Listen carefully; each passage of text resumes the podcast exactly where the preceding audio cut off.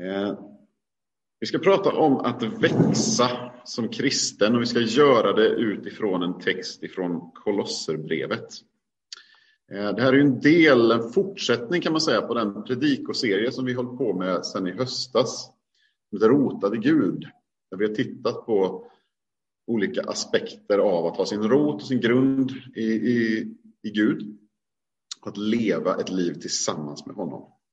Eh, och nu bygger vi på det här med att växa. Allting som lever växer. Eh, och vi ska se lite grann vad, vad Guds ord säger till oss om vårat växande. Och hur det hänger ihop med Kristus och med våran, vårat uppdrag som församling, vad vi är kallade att göra. Herre, jag ber att ditt ord skulle få komma och vara levande och verksamt för oss. Herre, jag bara ber att du skulle öppna våra öron så att vi kan höra på lärjungasätt. Jag ber att du skulle öppna våra ögon så att vi kan se dig i ditt ord, Herre. Se din vilja, din nåd och din godhet över oss. Herre, jag bara ber och tackar dig att ditt ord får bli applicerat på vars och ens av våra liv som är här och lyssnar. Herre, kom och gör ditt mirakel av att låta ditt ord bli verksamt i våra liv. Det ber vi om, Fader, i Jesu Kristi jag ska börja med att läsa från Kolosserbrevet 1, 24 till 29. Nu glädjer jag mig över att få lida för er. Vad som ännu fattas i Kristi lidanden, det lider jag i mitt eget kött för hans kropp som är kyrkan. Dess tjänare har jag blivit enligt det uppdrag som Gud har gett mig för er skull, att låta Guds ord nå sin fullbordan. Detta är den hemlighet som har varit fördold i alla tider och släktled, men nu har uppenbarats för hans heliga. Gud ville låta dem veta vilken härlig skatt hedningarna har i denna hemlighet. Kristus finns hos er, hoppet om härligheten. Honom förkunnar vi genom att vägleda alla människor och undervisa dem alla med all vishet för att kunna föra fram alla som fullvuxna i Kristus. Det är för detta jag strävar och kämpar med den kraft som han så mäktigt låter verka i mig. Är du en vuxen människa? Är du fullvuxen i Kristus? Det är en fråga som vi kan ställa oss lite var och en. Vad har jag i mig själv som signalerar att jag har växt från när jag kom till tro till där jag är idag? Vad ser jag för spår av Guds växande i mig själv? Och vad ser jag att jag har kvar för barnsliga drag? Vad är det i mig som fortfarande är det där som är barnsligt och som behöver få växa bort? Det finns saker som är gulligt och bedårande hos ett spädbarn, men som skulle vara ganska förkastligt och fel hos en vuxen. Det är saker som vi tycker att åh, vad gulligt när bebisar gör det, men om en vuxen människa gör det så blir det liksom, det blir väldigt fel. Och det finns vissa kännetecken som markerar ett vuxet beteende. Vad är det att vara vuxen? Ja, det är kanske inte alltid en ålder. Ibland tänker vi att ja, man blir vuxen när man eh, fyller 18, för då blir man ju myndig. Eller man blir vuxen när man flyttar hemifrån, kanske börjar på högskola eller sådär. Men om du tänker efter med alla människor du har mött i ditt liv så har du säkerligen mött människor som har kvar något av det här så att säga, felaktigt barnsliga. Inte barnaglädjen utan det där att man är barnslig på fel sätt. Att man är, man är lite omogen i sin person. Man har aldrig riktigt växt upp fullt ut.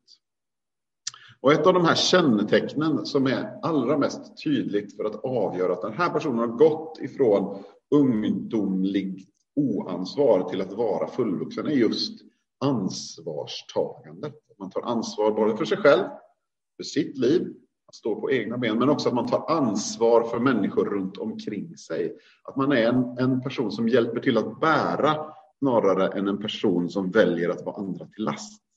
Om de talar vi ofta som människor som är vuxna eller har ett vuxet beteende. Det här budskapet som jag ska ge dig nu, den här undervisningen som jag ska leverera till dig, den handlar inte inte på något sätt om fördömelse. Så om du känner dig träffad i hjärtat så är det ett stygn av att Gud vill lägga någonting till rätta hos dig. Och det handlar inte om att bli fördömd utan om att få en chans att se med nya ögon och att växa som, som kristen, som människa, som troende, som barn hos Gud. Att växa upp så som Paulus skriver här, att bli fram, förd fram som fullvuxen i Kristus.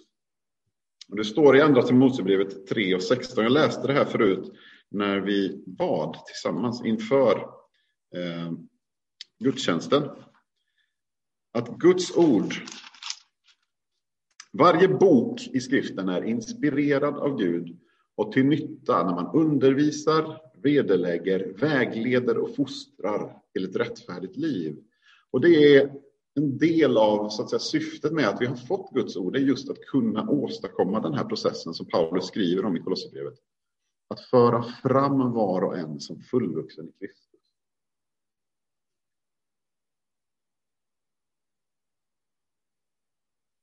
Och om det är någon här eller någon som lyssnar till den här förkunnelsen i efterhand och känner att det här är fördömelse eller ett hårt budskap, då uppmuntrar och uppmanar jag dig att be den helige Ande öppna ditt hjärta och din ande att ta emot hans fostran till ett liv närmare honom.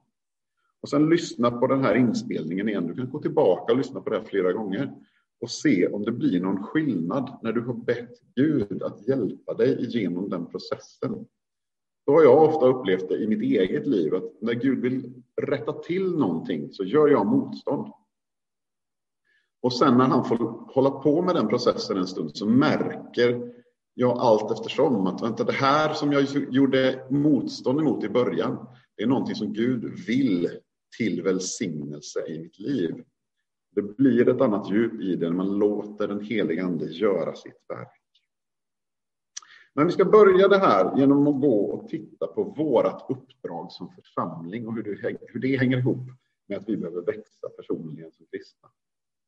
När Jesus hade uppstått och visat sig för lärjungarna och skulle tas ifrån dem och stiga upp till himmelen. I Matteus 28, 19 20 så ger Jesus den stora missionsbefallningen. Han ger lärjungarna ett allmängiltigt uppdrag som kommer att gälla i alla tider så länge kyrkan är kvar på den här jorden. Så gäller missionsbefallningen, så kyrkans stora uppdrag, det vi är kallade att göra som församling och som lärjungar. Och Jesus talade till dem och sa, gå därför ut och gör alla folk till lärjungar. Döp dem i Faderns och Sonens och den heliga Andes namn och lär dem att hålla alla de bud jag har gett er och jag är med er alla dagar till tidens slut.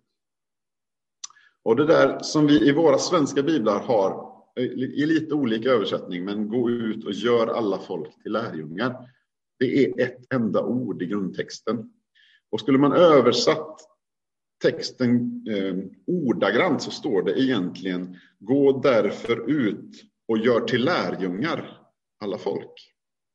Gör till lärjungar är ett enda ord.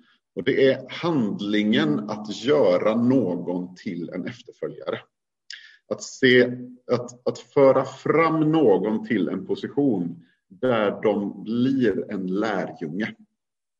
Eh, att vara en lärjunge är att vandra efter någon eh, som man, ser, som man har som sin läromästare.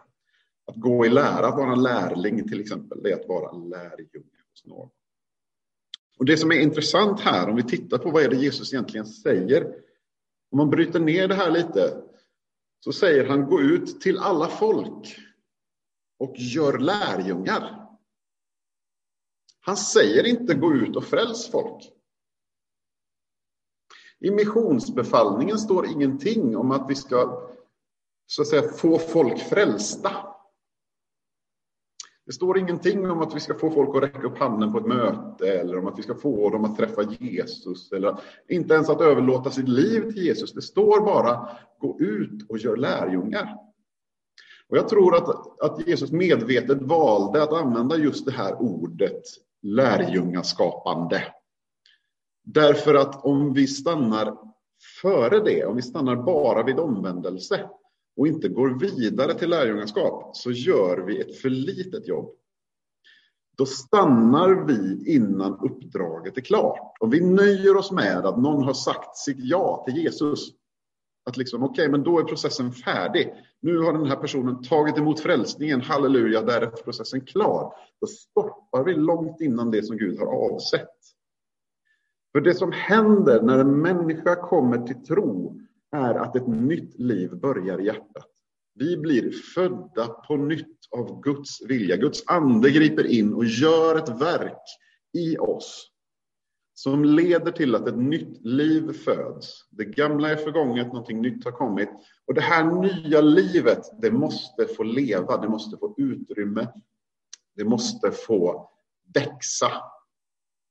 Och den processen ingår i missionsbefallningen. Den ingår i att vi så att säga missionerar världen, är att vi för människor fram till Kristus och vidare in i lärjungaskap. Sen står det att vi ska döpa. Dopet är just en symbol för det här att vi dör med Kristus, men att vi också uppstår med honom till ett nytt liv. Hela meningen med dopet i Faderns och Sonens och den helige Andes namn är att vi döps in i Kristus, i det nya livet tillsammans med honom. Att där händer någonting. Vi bekräftar att det här har nu hänt i mig.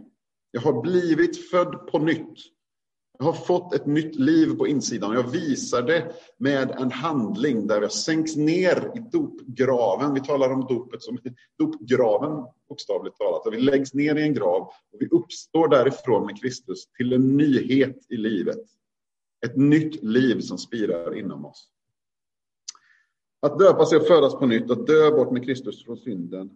Och det är ett mirakel som Gud genomför i en människa och som vi är kallade att leda alla lärjungar in i. Det är därför Jesus säger som han gör. Gå och gör lärjungar och döp dem. Därefter så kommer nästa befallning i missionsbefallningen och det är lär dem. Och lär dem att hålla alla de bud jag har gett er. Läran är viktig. Jesu undervisning, den lära som den helige ande lämnade först genom Jesu undervisning under de tre och ett halvt år som han var aktiv i sin tjänst, vandrade med lärjungarna, undervisade dem, det vi har nedtecknat i evangelierna. Och sen fortsättningen på det, som Jesus talar om i sin sista förbön för lärjungarna i, Johannes 17. Han talar om att när den helige ande kommer så ska han lära er om allting och undervisa er om allting.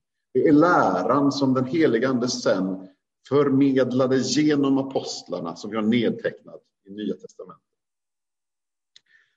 Eh, och att vara lärjunge, det innebär att leva ett liv i frihet, men också i ansvar, i förhållande till det som Jesus har lärt oss.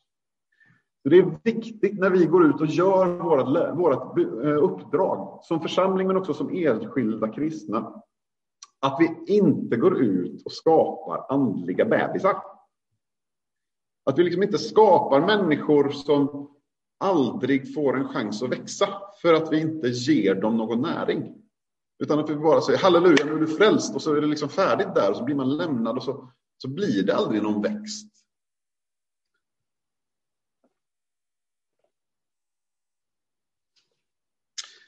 Vi har alla ett ansvar för nyfödda in i församlingen. Nya kristna som nyligen kommit till tro beskrivs i Nya testamentet i termer av ett nyfött barn.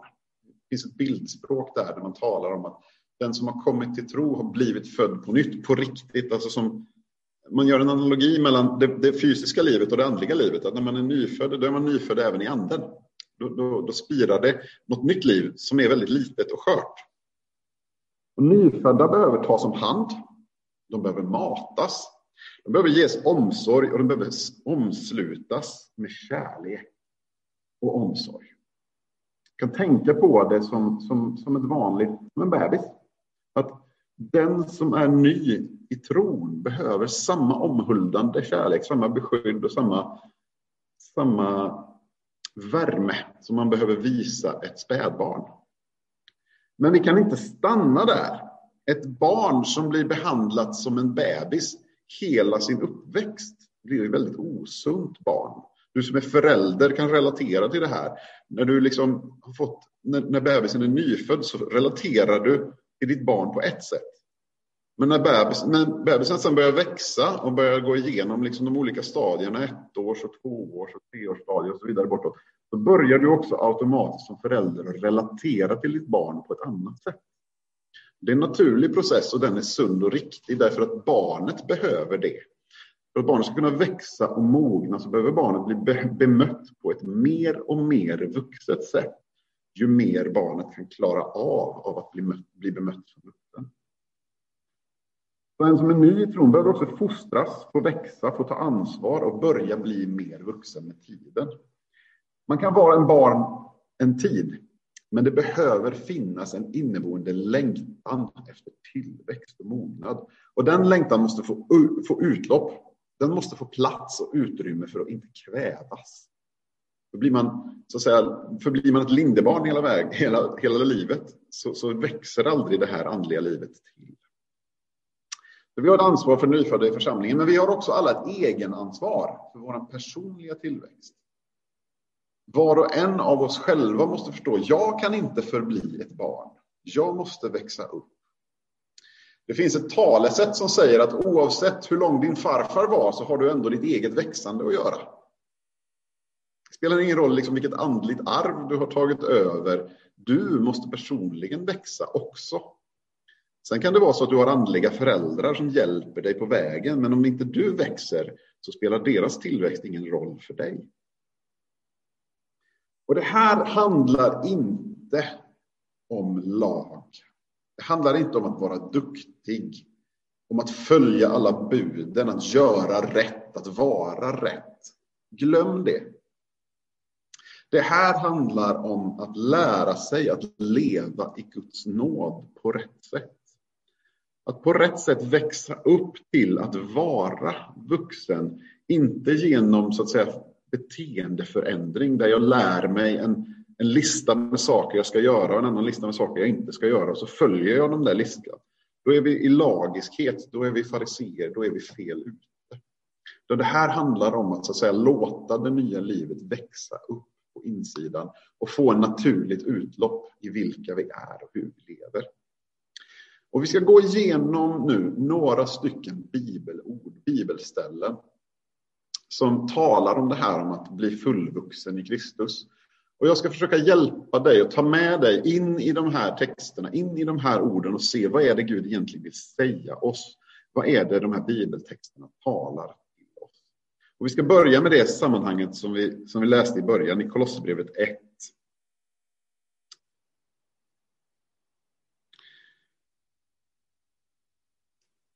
Kristus förkunnas genom undervisning och tillväxt. Det står i vers 28 i det här stycket jag läste, Kolosserbrevet 1 och 28, att honom, Kristus, förkunnar vi genom att vägleda alla människor och undervisa dem alla med all vishet för att kunna föra fram alla som fullvuxna i Kristus. Hur kan det komma sig att vi förkunnar Kristus genom att vägleda människor. Genom att undervisa dem.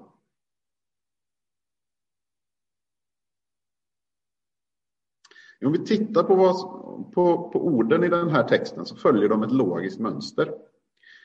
Eh, om vi tittar på att ordet att förkunnas.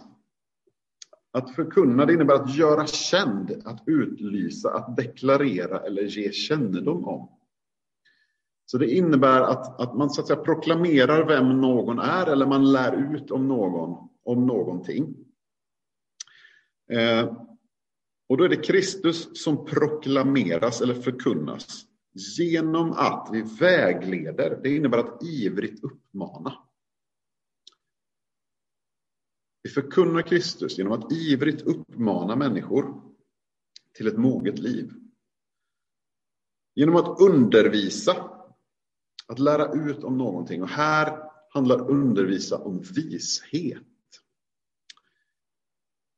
att undervisa alla med all vishet. Och om du vill läsa mer om Guds vishet, skillnaden på, på världens vishet och Guds vishet, så uppmanar jag dig att läsa Ordspråksboken 8. Där Salomo skriver ingående om Guds vishet och hur det förhåller sig till ett, till ett, ett liv i Kristus.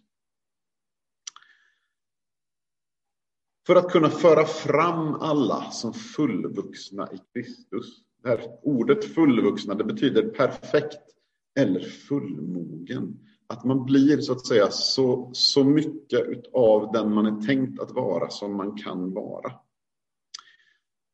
Att man blir en ansvarstagande människa.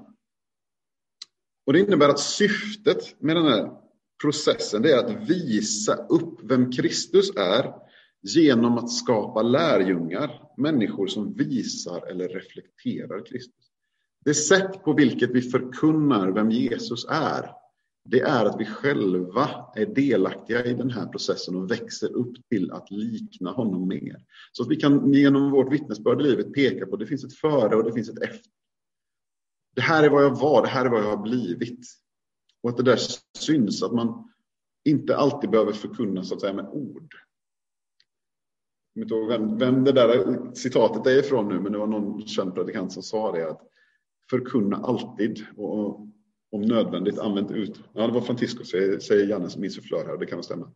Alltså predika ständigt och endast om nödvändigt använda ord. Alltså, vi predikar med våra liv, vi predikar med vilka vi har blivit i Kristus.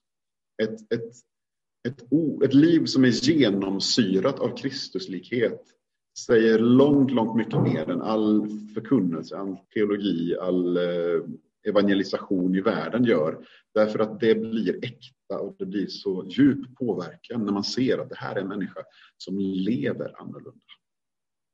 Det syns och det märks. Nästa ställe vi ska titta på är Andra Petrusbrevet 2.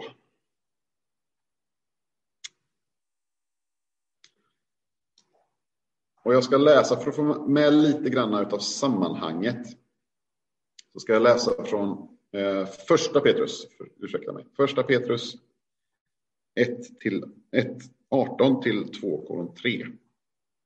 Så första Petrusbrevet 1 och 18. Ni vet att det inte var med förgängliga ting, silver eller guld, som ni friköptes från det meningslösa liv som ni övertagit från era fäder. Nej, det var med blodet från ett lamm utan fel eller fläck, Kristi dyrbara blod. Han var utsedd redan före världens skapelse men trädde fram först nu vid tidens slut för er skull som tror. Genom honom tror ni på Gud som har uppväckt honom från de döda och förhärligat honom, så att ni i er tro också kan hoppas på Gud. Ni har renat era själar genom att lyda sanningen och kan leva i uppriktig kärlek till era bröder. Älska då varandra av hela ert hjärta ni är ju födda på nytt, inte ur en förgänglig sådd, utan en oförgänglig, Guds levande och bestående ord. Ty människan är som gräset och all hennes härlighet som blommorna i gräset. Gräset vissnar och blommorna faller av, men Herrens ord består i evighet. Det, det är detta ord som har förkunnats för er. Lägg därför bort allt slags ondska och falskhet och förställning, avund och förtal som nyfödda barn ska ni längta efter den rena andliga mjölken för att växa till genom den och bli räddade. Ni har ju fått smaka Herrens godhet. Spädbarn, de lever och växer av mjölk. Och som vi sa tidigare, så att bli, att bli en kristen är att bli född på nytt. Då är man som ett spädbarn. Då behöver man få mjölk. Och man kan inte ge ett spädbarn skräpmat och tro att det ska bli hälsosamt. Om du proppar i din bebis sirap bara, typ, så blir bebisen sjuk. Alltså den växer inte som den ska. Och På samma sätt så är det med oss när vi kommer till tro. Vi behöver få näring och vi behöver få det som Petrus skriver, den rena andliga mjölken. Och vad är den där mjölken för någonting? Jo, det är Guds ord.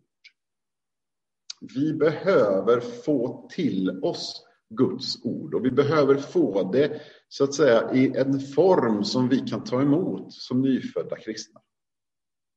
Man kan inte förvänta sig att en, en, en bebis ska ställa sig upp och liksom börja laga mat direkt, utan man måste mata bebisen.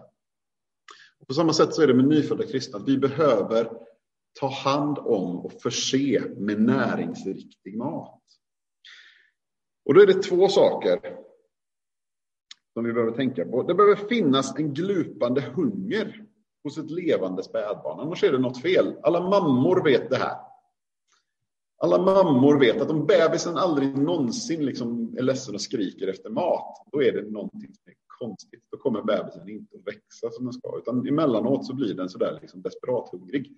Mamma, jag vill ha mat nyss. Så vrålar bebisen och skriker. Så behöver det vara också med en nyfödd kristen. Det måste finnas någonstans en, en glupande hunger efter Guds ord, efter tillväxt, efter att lära sig mer om Gud, efter gemenskap, efter att växa i bön, tillbedjan och alla aspekterna av kristet liv. Det måste finnas där, annars är någonting på tok. Så där ska finnas en längtan som vi kan tillgodoställa. Och det andra man kan fundera på är att om du aldrig någonsin har känt en glupande hunger efter uppenbarelse om Gud, då behöver du granska dig själv, min vän. Det går upp och ner i perioder, men om du aldrig någonsin i ditt liv har upplevt det här att jag vill veta mer om Gud, jag vill lära känna Gud. Jag vill ha uppenbarelse, jag vill lära mig att läsa min bibel, jag vill växa, jag vill bli mer lik Kristus. Om du aldrig någonsin har känt det, ta tag i någon av dina bröder och systrar i församlingen. Prata om det. Be om att Gud gör ett mirakel i dig. Därför att det där behöver ha funnits i din, i din barndom. När du kom till tro. Någonstans så händer den där processen av att vi börjar hungra efter Gud. Nästa ställe vi ska titta på är Efesierbrevet 4. Efesierbrevet 4, 7-16. Gud rustar sin församling för tillväxt. Var och en av oss har fått just den nåd som Kristus har velat ge honom. Därför heter det, han steg upp i höjden och tog fångar. Han gav människorna gåvor. Att han steg upp måste inte det betyda att han också stigit ner i underjorden. Han som har stigit ner är också den som steg upp högt över alla himlar för att uppfylla allting. Så gjorde han några till apostlar, andra till profeter, till förkunnare eller till herdar och lärare. De ska göra de heliga mera fullkomliga och därigenom utföra sin tjänst och bygga upp Kristi kropp tills vi alla kommer fram till enheten i tron och i kunskapen om Guds son, blir fullvuxna och når en mognad som svarar mot Kristi fullhet. Vi ska inte längre vara barn och låta oss drivas omkring av alla lärovindar och inte vara lekbollar för människorna som vill sprida villfarelser med sina bedrägliga påfund. Nej, låt oss i kärlek hålla fast vid sanningen och växa i alla avseenden så att vi förenas med honom som är huvudet, Kristus. Han låter hela kroppen fogas samman och hållas ihop genom att alla lederna hjälper och stöder med just den kraft han ger åt varje särskild del. Då växer hela kroppen till och byggs upp i kärlek. Jag ska plocka ut några saker ur den här texten. Den är väldigt innehållsrik, så vi hinner inte gå in på alltihopa. Men det första vi kan se är att alla har fått just sin nåd. Var och en av oss har fått just den nåd som Kristus velat ge honom. Vilken är din nåd? Vad är det du har fått som är en del specifikt av din nådeutrustning som Gud har gett dig? Som ger dig en plats i kroppen. Gud har avsett någonting med att föra dig in i den världsvida församlingen. Gud har tänkt någonting med ditt liv. Han har avsett dig att vara en väl fungerande kroppsdel. Vilken nåd är det? Vi gick ju igenom som fisken i vattnet här för några år sedan var det väl Janne? Eh, som är liksom en, en, ett gåvoupptäckande. Eh, och det där, kan man, det där kan man behöva göra med jämna mellanrum och tänka efter, tänka tillbaka. Vad är det egentligen Gud har utrustat mig med? På vilket sätt är jag delaktig? Det andra som vi har ur den här texten är att församlingen har fått en utrustning för sitt arbete. Vi kallar det här för tjänstegåvor och det kommer egentligen från vers 12, andra delen av vers 12. Att där står det att de ska göra det heliga mera fullkomliga och därigenom utföra sin tjänst. Så det här är några som utför en tjänst. Och sen andra halvan av vers 9 där Paulus citerar, eller vers 8 citerar han eh, psalm 68. Han steg upp i höjden och tog fångar, han gav människorna gåvor. Därifrån kommer det här med tjänstegåvor, att Kristus har till sin församling gett utrustning för tjänst. Så listas de här gåvorna upp i, i Efesierbrevet 4. Eh, och syftet med det eh, är just allas tillväxt och mognad. Så alla har vi fått del av Kristi nåd och alla har fått någon form av utrustning, men alla har inte blivit så att säga gjorda till en tjänstegåva. Det finns någonting däremellan också. Eh, men syftet med det är att alla ska växa till och nå mognad, vers 13. Det är därför den här tjänsten ska utföras och det är det som är syftet med den. Eh, och det innebär, vers 14 och vers 15, att vi ska inte längre vara barn. Vi ska stå stadigt rotade i sanningen. Att vi själva är liksom fristående att kunna bedöma, är det här sant? Är det, rätt, är det rätt eller fel? Stämmer det med vad Gud har sagt? Stämmer det med min förståelse av Guds ord? Så att vi inte bara driver omkring och nu lyssnar jag på det här och sen lyssnar jag på det där. Och, ja, men nu var det någon som sa så här, ja då kanske inte det där stämmer som jag hörde förut. Eller, då är man liksom väldigt omogen om man bara far med, bara drivs runt av allt som sägs. Och när vi slutar vara barn och står stadigt i sanningen, då växer kroppen till. Om församlingen ska växa, om Guds rike ska växa fram, om den världsvida församlingen ska växa och utföra sitt uppdrag, då behöver den här processen ske. Att vi blir rotade och grundade i sanningen och står stadiga och kan vara lemmar som stödjer, som bär.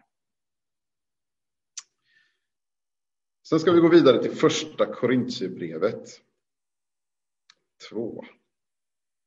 Första Korintierbrevet 2, verserna 6 till 7.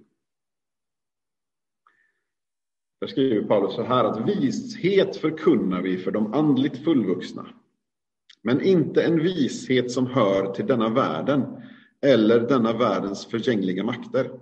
Vad vi förkunnar är Guds hemlighetsfulla vishet som var fördold men som redan före tidens början av Gud var bestämd att leda oss till härlighet.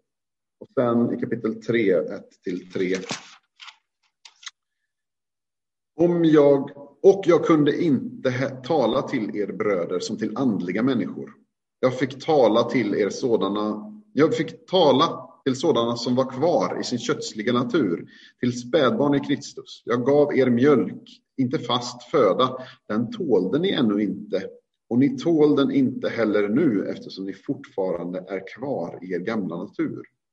För om det finns ofördragsamhet och strid hos er, har ni inte då kvar er gamla natur och lever på, mäns på vanligt mänskligt vis?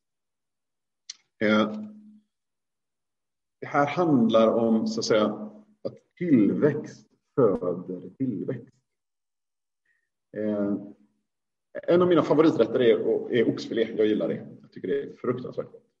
Det ger jag inte till mina barn när de är små bebisar. Då mår de illa. Så det som jag tycker är gott, det tycker bebisar inte om. Bebisar vill ha mjölk, vuxna vill ha någonting mastigare. Och så funkar det i Guds rike också. Att det, finns en, det finns en gradvis växande in att ta in mer av Guds uppenbarelse. Det finns en gradvis ökande uppenbarelse som hänger ihop med helgelse och mognad. Att Gud får göra den här processen i oss så att vi efterhand kan ta emot mer och mer av det han vill, vill visa oss och lära oss. Och här kan vi också ge på oss själva och på vår egen reaktion på fast föda. Så att säga, om jag får en, en, en mer grundlig undervisning, en mer djupare uppenbarelse om Gud. Mår jag då gott eller mår jag illa av det? Om jag mår illa av det, då är det kanske att jag har kvar det här omogna i mig som behöver tas om hand. Och det sista bibelstället vi ska gå till det är Hebreerbrevet 5, 12-14. Därför att det finns ett allvarligt tillstånd andlig regression, eller tillbakagång.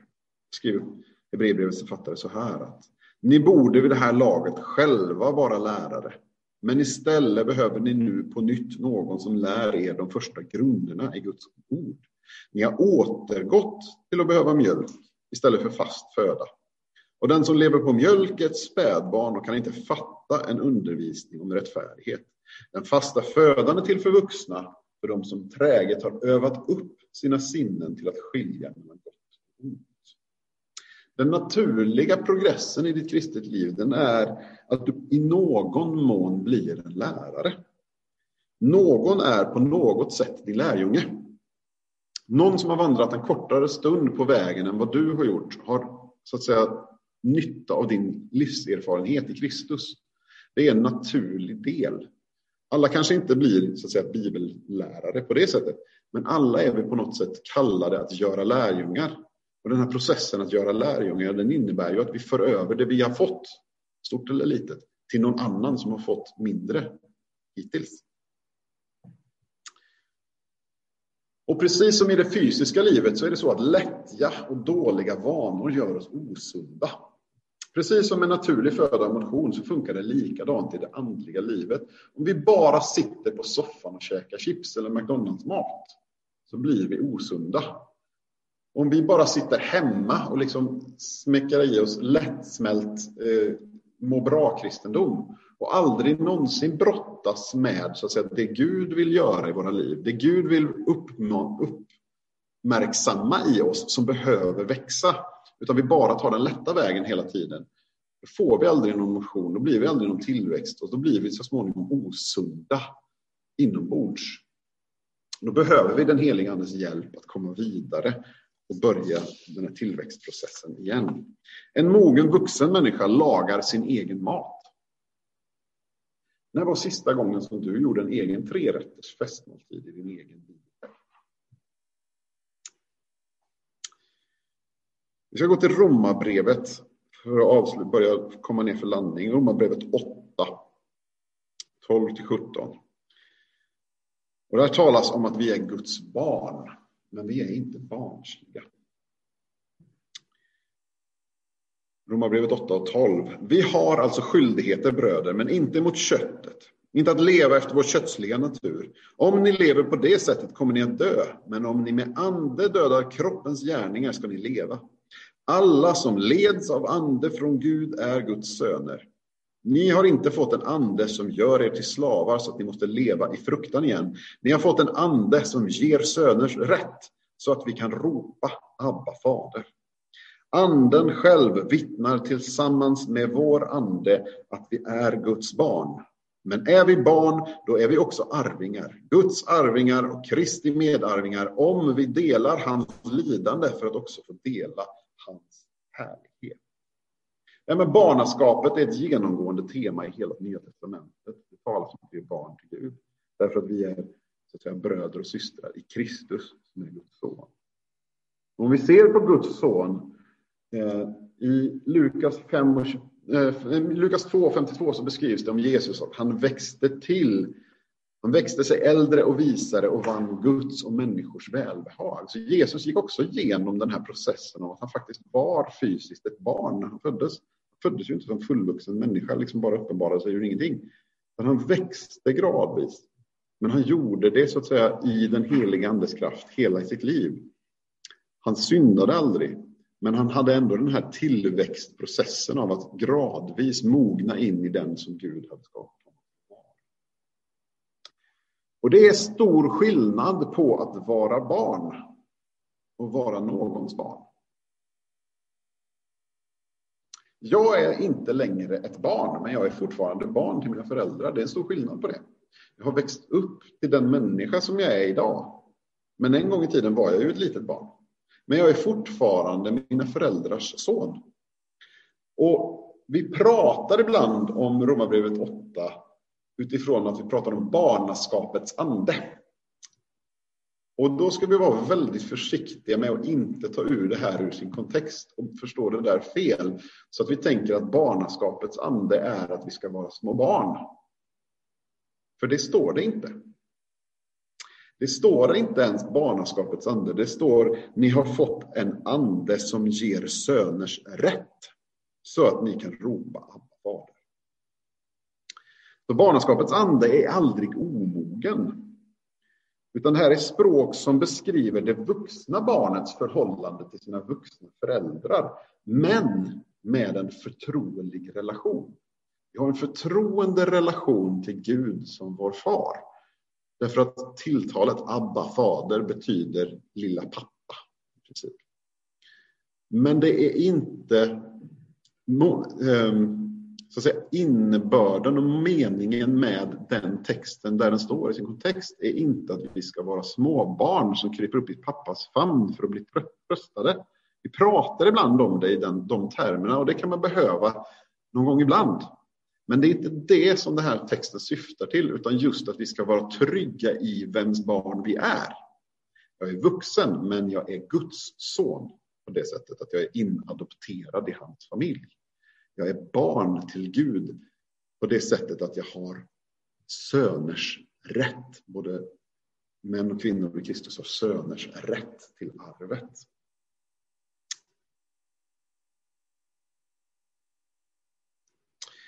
Hela den här passagen den handlar om frihet från fruktan.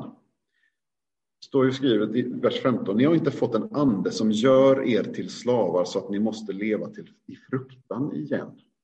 Det, motsatsen till att vara barnaskapets ande är just att leva i rädsla, i fruktan. Utan vi ska vara befriade ifrån vår fruktan. Därför att vi vet vems barn vi är.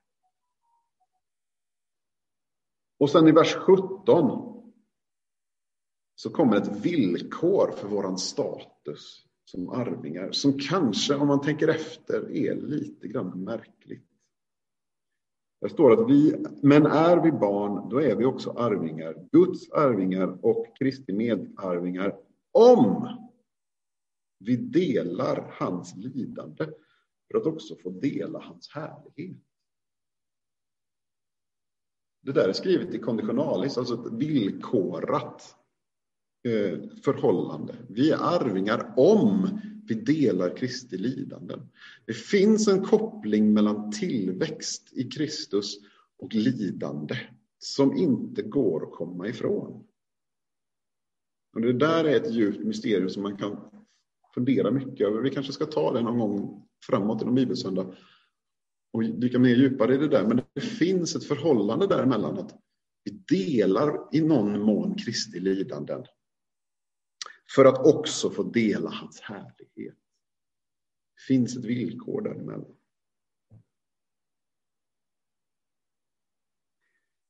Och det finns några olika sätt på vilket vi kan vara barnsliga. Vi ska gå igenom fyra stycken barnsligheter. De alla fyra är synd som kan leva kvar i oss och som vi behöver omvända oss ifrån om vi har den delen i våra liv. Det första är att vi kan vara lagiska.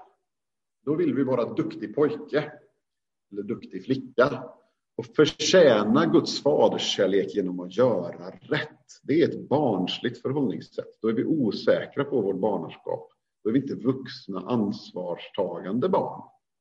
Om du fortfarande i vuxen ålder förhåller dig till din mamma och pappa på ett sådant sätt att du måste göra rätt för för att få deras gillande.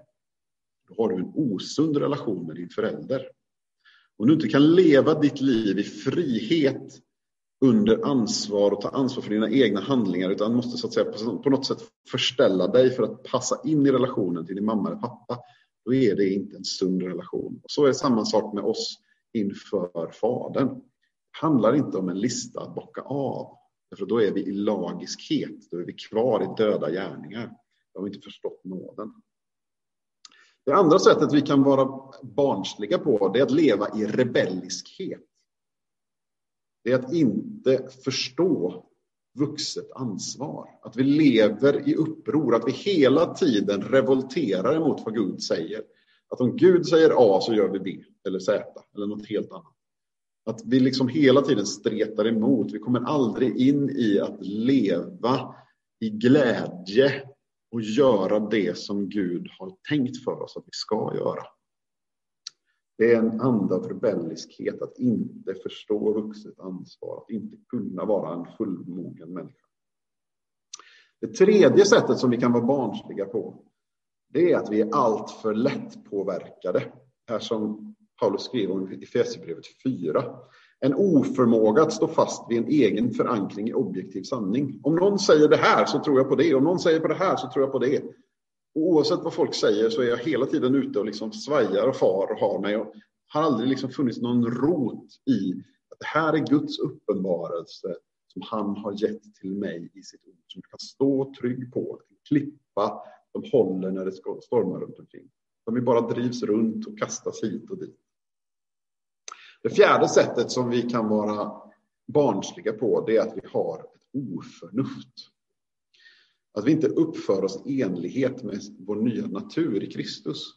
Det kan finnas kvar drag i oss som, där vi gör medvetna val som inte är i enlighet med vad Gud har sagt att han vill att vi ska göra. Vi har ett oförnuft kvarvarande som vi liksom aldrig kommer till rätta med. Det är skillnad att göra ett misstag, för att vi är inte perfekta än. Vi kommer att bli det en gång i himlen, men vi har alla synd inom oss som för oss vilse då och då. Då får vi omvända oss, får vi gå till Gud, be om förlåtelse, be om försoning, ta emot nåden och bli upprättade på nytt. Men det här handlar mer om att, så att säga, aktivt hela tiden leva i ett oförnuft. Att, ja, men de här områdena i mitt kristet liv, de har jag ordning på, men här borta finns någonting där det finns ett pågående oförnuft. Jag gör hela tiden fel och kommer aldrig till rätta med det. Där behöver vi också omvändelse och nåd från Gud, att bli fria och växa upp. Kännetecknet då från Romarbrevet 8 på andlig mognad, det är ett liv fullt levt i nåd och i sanning. Om vi rätt förstår nåden så har vi blivit, att vi har blivit förvandlade genom någonting som Gud har gjort i oss av sin vilja då förstår vi vad barnaskapet verkligen innebär. Det här hittar vi i Romarbrevet 8.38. När, när Paulus talar om att ingenting kan skilja oss från Gud. Jag är viss om att varken död eller liv, varken änglar eller furstar, varken något som nu är eller något som ska komma, varken krafter i höjden eller krafter i djupet eller något annat i skapelsen ska kunna skilja oss från Guds kärlek i Kristus Jesus, vår Herre. Det där innefattar allting. När du har blivit född på nytt och den heliga Ande har tagit sin boning i ditt hjärta och det där nya livet har börjat spira, då är det ett evigt liv. När det har hänt, då har det hänt för evig tid. Det är det som är nåden. Att Gud ger det här livet till oss och vi blir barn. Och det finns inget som heter oadoption. Man kan inte oadoptera någon. Det är helt omöjligt. Om Gud hade adopterat dig in i sin familj så finns det ingen handling som så att säga gör att du blir obarn helt plötsligt. När du har blivit ett Guds barn, då är du det för evigt. Då har du övergått från döden till livet. Det finns ingenting i skapelsen och det inkluderar dig själv. Det finns ingenting du kan göra när Gud har gjort sitt verk i dig, när du har blivit född på nytt av Guds ande, så finns det ingenting du kan göra för att göra det ogjort. Men hädelse mot anden då, synden. Och... Nej, det finns ingenting du kan göra för att göra Guds verk i dig ogjort. Det där är hemligheten i nåden och det där kan vi brottas med något hejdlöst för vi kan se, ja men vänta nu, om det här händer, om det där och det finns ju människor som går bort från tron och vad händer då? Det finns så mycket frågeställningar kring det där, ja. Men det är ändå tydligt och klart. Det finns inget som är skapat som kan skilja dig från Guds kärlek i Kristus Jesus. Det är undervisningen om nåden. Om vi rätt förstår den så förstår vi vad barnaskapet verkligen innebär. Sen kan vi gå vidare till, eller gå tillbaka lite till Romarbrevet 8 och 1. Nu blir det alltså ingen fällande dom för dem som tillhör Kristus Jesus. Eller i vissa översättningar står det, det finns ingen fördömelse för dem som är Kristus. Det finns ingen fördömelse för dig som är Kristus. När, vi, när det landar, då förstår vi vilket ansvar och skyldighet vi har som vuxna barn. När det här livet lever i oss så händer någonting på insidan i oss som gör att vi automatiskt vill leva ett rättfärdigt liv. Vi strävar efter det, vi längtar efter det. Vi blir inte nöjda med mindre än att vi lever i Kristus. Men vi har också ingen fördömelse över oss. Ingenting som händer med oss, i oss eller runt omkring oss kan ge någon varaktig skillnad på förhållandet vi har till vår far. Det finns ingen fördömelse för den som är i Kristus. Därför att om du är i Kristus så har han tagit fördömelsen på sig för din skull. Vad som än händer dig, har hänt dig, som du utsätter andra för eller andra utsätter dig för. Om du är i Kristus så dog Jesus för den synden på korset. Den är spikad på korset och borttagen ifrån dig. Det är nåden och försoningen. När vi rätt förstår det så förstår vi vilket ansvar och skyldighet vi har som vuxna barn. Jag vill inte spika upp någonting mer på Jesu kors. Om vi tar eget ansvar för vår andliga tillväxt, då kan vi lita på att Gud låter allting samverka till det bästa för oss. Romarbrevet 8, 28 till 30. Vi vet att Gud på allt sätt hjälper dem som älskar honom, eller för dem som älskar Gud så samverkar allting till det bästa. De som han har kallat efter sin plan. hur dem han i förväg har utvalt har han också bestämt till att formas efter hans sons bild, så att denne skulle vara den förstfödde bland många bröder. De som han i förväg har utsett har han också kallat. De han har kallat har han också gjort rättfärdiga. De han har gjort rättfärdiga, de har han också skänkt sin härlighet. Vi kan leva i det här att oavsett vad som händer oss, för hemska saker händer. Fruktansvärt lidande händer runt om i världen. Kanske inte ditt och mitt liv personligen. Vi har vårt mått av lidande, men se dig runt omkring.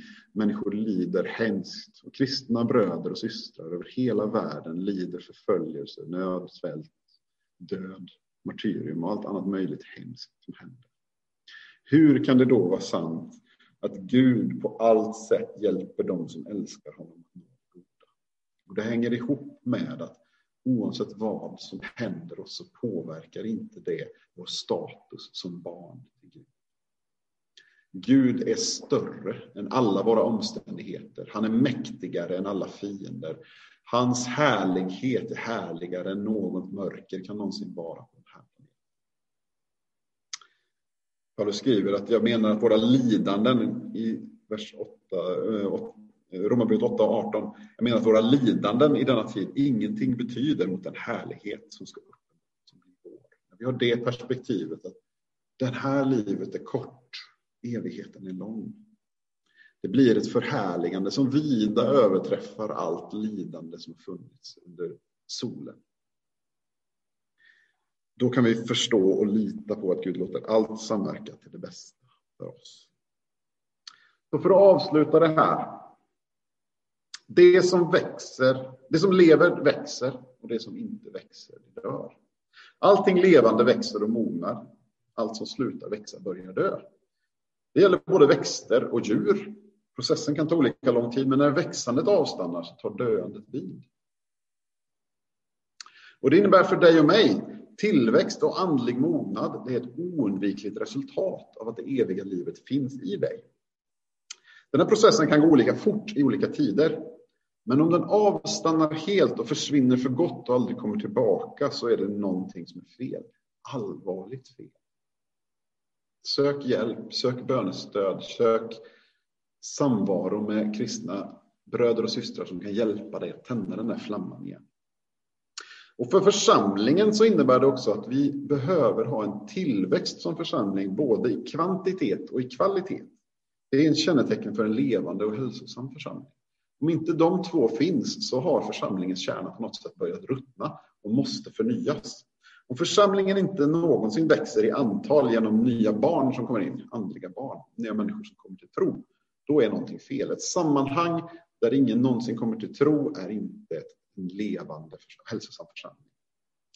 Och om församlingens lemmar inte växer till och mognar i ökad Kristuslikhet, då är någonting också på tok. Då är det också ett osunt sammanhang. Det behöver finnas ett växande där vi tillsammans kommer fram till fullheten i Kristus. Så vi behöver pröva oss själva. Jag behöver pröva mig själv. Är jag stadd i tillväxt eller är jag stadd i förruttnelse? Det svaret är evig betydelse för oss.